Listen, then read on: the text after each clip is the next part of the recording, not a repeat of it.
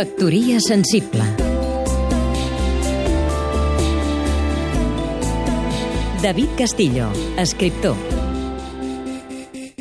El novel·lista i poeta Carlos Zanon ha estat una de les revelacions de les últimes edicions del Barcelona Negra, la setmana de novel·la policíaca que organitza l'Ajuntament de Barcelona dintre de les seves activitats culturals. Acaba de presentar una nova novel·la a l'editorial RBA, Jo fui Johnny Thunders, en homenatge al cèlebre cantant dels New York Dolls. És una novel·la ambientada al barri del Guinardó, on gent del carrer que es mou, que treballen a bingos, eh, un ex-roquero molt deteriorat torna al seu barri, a casa dels seus pares, i també recupera tot el que és el paisatge de la seva joventut.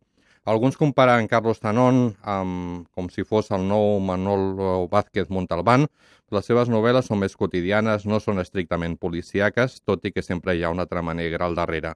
Coincidint amb aquesta publicació d'aquesta novel·la, el Carlos Tanón presenta Rock and Roll, un recull dels seus poemes, dintre d'un nou segell que es diu 66 RPM, que està vinculat a la revista Ruta 66. És una col·lecció de poesia que publica llibres en castellà i en català molt interessants i que està portant noves alternatives dintre del mercat independent de l'edició.